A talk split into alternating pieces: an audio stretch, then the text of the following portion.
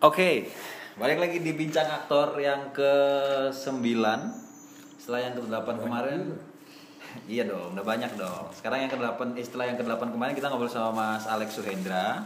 Kemudian sebelumnya kita sempat ngobrol sama Putri Ayudya Sekarang di bincang aktor yang ke-9 ini ya Kita ngobrol bareng tentang proses keaktoran seorang tokoh teater Bandung, Jogja, dan Indonesia sepertinya terutama dalam soal teater tubuh. Perkenalkan, ini dia Tony Brur. Halo Bang. Halo. Ya, ini namanya Tony Brur, Bang Tony. Ya, teman-teman bisa kayaknya kalau di googling ada ya nama lu ya? Ada. Ada di googlingnya Tony Brur gitu. Nah itu pasti udah muncul. Keluar ya, nomor-nomor gue. Nah itu udah keluar, jadi lu bisa tahu. Uh, tapi jangan dicari di Instagram karena oh ada oh lu punya Instagram bukan yang bikin orang oh lu yang bikin gue, orang cuman malah orang pada laporan ke gue bang ada Instagram bilang gue ngerti ya Hmm. Kayaknya ada deh Tony Bro dia keluar tuh. Instagram. Oh ada tapi lu nggak megang. Gua nggak. Tapi kalau di Facebook bisa dikontak ya. Kalau Facebook bisa karena gue main di situ. Oke bisa dikontak. Nah uh, karena waktu kita tidak banyak untuk ngobrol sama Bang Brur karena anaknya sedang sakit gitu. Jadi kita kalau biasanya kan kita ngobrol dulu soal perjalanan keaktoranmu bang. Maksudnya bagaimana kemudian Bang Brur bisa memutuskan untuk memilih uh, butoh sebagai latihan yang kamu jalani bertahun-tahun. Nah mungkin itu bisa diceritain dikit aja. Kenapa lu akhirnya memilih bentuk ini? Gitu? Sebenarnya bukan bu, bukan uh, awal dari awal gue uh, apa memutuskan ke tubuh gitu ya, mm -hmm. atau ke butoh itu gue pikir proses mengalir dari semua orang juga seperti itu mungkin hmm. jadi awal ya teater gue hadapinya seperti uh, biasa aja hmm. karena harus bermain realis gitu gitulah ya sedang main panggung gitu dan sebelum itu juga kan gue masuk pada wilayah tidak sebagai pemain kan hmm. jadi kru jadi ya jadi uh, jadi tidak yang hebat di teater lah ya. Hmm gue pikir itu juga proses yang uh, harus di ini ya yang harus dilalui sama sama orang teater gue pikir. Karena dari situ nanti kita paham gitu. Hmm. apa itu sebenarnya uh, proses teater gitu. Ya bukan bukan juga tidak boleh eh bukan juga jadi tidak boleh kalau mengenal teater itu langsung dari anda jadi pemain. Hmm. karena gue juga nggak dari pemain gitu. Gue dari uh, tukang ngepel panggung gue tukang apa ngordinir latihan nyiapin properti dan sebagainya lah. Hmm. terus gue beranjak terus gue jadi pemain dan sebagainya. Kebetulan gue gabung di Bandung di teater payung hitam kan. Okay. itu 88 gue gabung. Nah di sana barulah proses teater yang sesungguhnya gitu. Karena gue mulai akrab sama namanya malam gitu ya karena hmm. uh, malam jadi siang dan apa pagi itu jadi malam karena hmm. lebih banyak aktivitasnya malam latihannya gitu. Hmm. Nah itu eh, periode di payung hitam sebenarnya itu eh, akhir-akhirnya sampai 2005 itu dari 88 2005. Hmm. Tapi itu ada tiga periode sebenarnya. Hmm. Di mana proses gue itu lebih dominannya di keaktoran lah, hampir semuanya. Hmm. Hmm.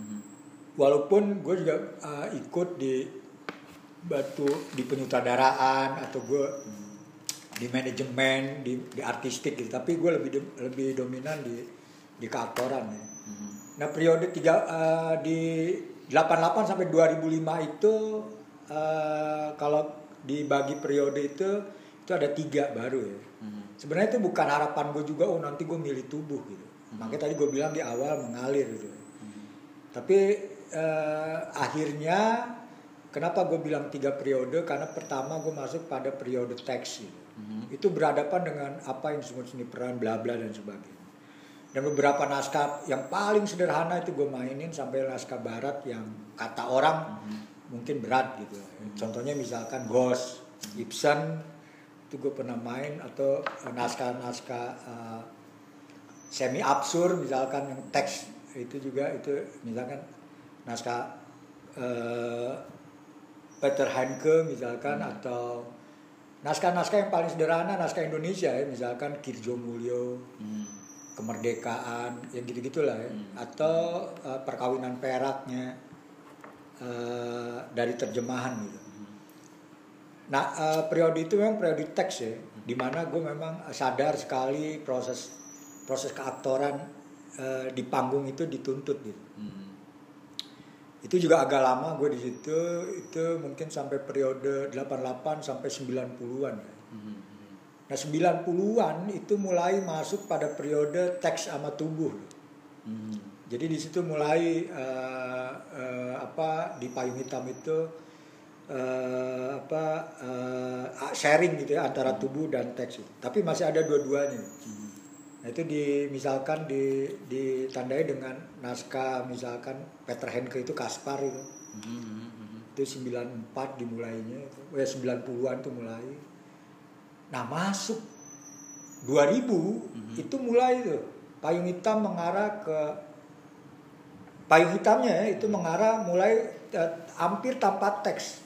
Beberapa karyanya itu misalkan Dom dari operasi militer tapi lebih sifatnya merespon kondisi sosial waktu itu ya karena 9 90 ke 2000 itu kan lagi panas eh, sosial politik kita ya.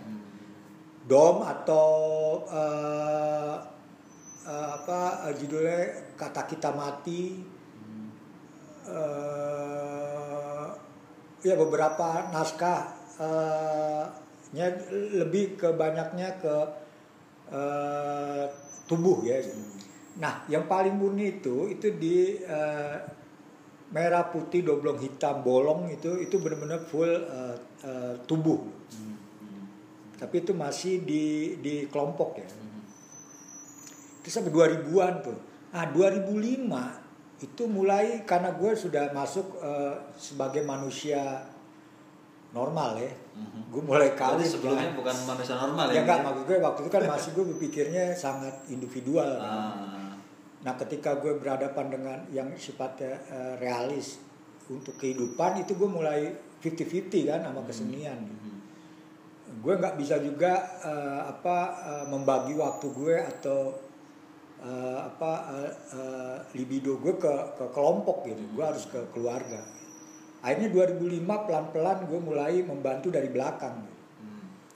Nah, sebenarnya 2000 itu gue udah membangun yang gue sebut ini ada dua sebenarnya proses gue itu yang gue sebut uh, proses ruang bersama. Ruang bersama itu sebenarnya proses gue begini nih berkomunal gitu. Hmm, hmm, hmm.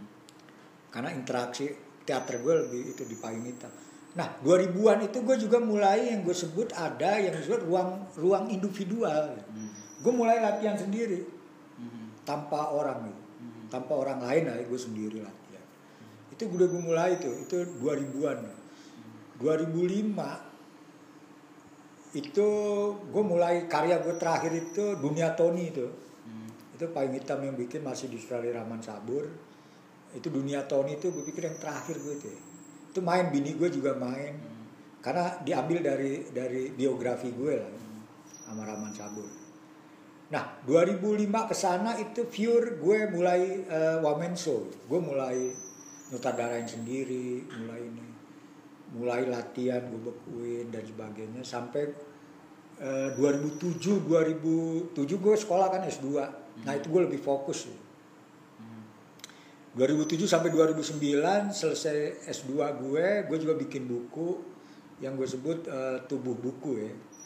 Itu sebenarnya gue mau cerita masalah bahwa tubuh gue tuh diintervensi sama persoalan eh, eh, eh, konvensional gitu.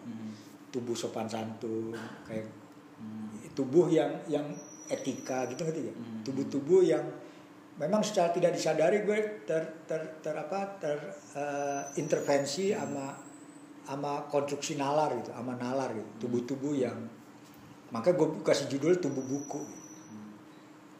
Tapi itu gue coba mulai di outdoor dan indoor. Itu alhamdulillah buku ini daminya sudah jadi. Tapi karena terlalu mahal, nggak ada yang berani nerbitin. ya. Oke. Karena eh, di dalam itu isi foto, karena terlibat juga fotografer yang yang memang profesional. Jadi gue buku itu nggak bisa dicetak hitam putih. Jadi harus memang kertasnya kertas bagus dan sebagainya. Makanya mahal. Tapi nggak apa-apa, itu hanya ada tujuh buku gue cetak. Itu pun dari sekolah sih sebenarnya. Jadi eh, tapi gue bikin juga itu e e apa E-booknya. e-booknya gue bikin. Tapi eh, belum gue sebar juga karena eh, gue harus harus ada karena yang bikin e-booknya gitu. Hmm. tapi itu itu jadi biar gue endapkan karena eh, gue juga lagi progres. 2010 sampai kan gue 2007 2009 itu gue selesai S2 gue balik ke Bandung. 2010 sampai 2000 eh 9 sampai 10 satu tahun itu gue proses yang gue sebut gue eksperimen yang gue sebut eh, di jalan asli itu di jalan nah di situ gue pengen tahu tubuh gue ini sebenarnya bisa bebas tidak. Nah itu gue seperti masuk pada daerah yang gue sebut daerah eh, eh, bahaya gitu. Karena gue masuk pada eh, eh, eh, eh, ambang gitu antara gila dan tidak karena eh, gue proses di jalan itu asli. Nah ini sebenarnya ini juga gue sudah terintervensi sama butoh sebenarnya. Hmm. Karena sebenarnya gue mengenal Buto itu dari 90-an tapi mulai dari buku ya. Hmm. Hmm. Buku gue 90-an tuh mengenal Buto, kenal-kenal tokoh dan sebagainya. Dan gue ka ini kawin sama istri gue kebetulan itu 2000-an kan 2002 ah.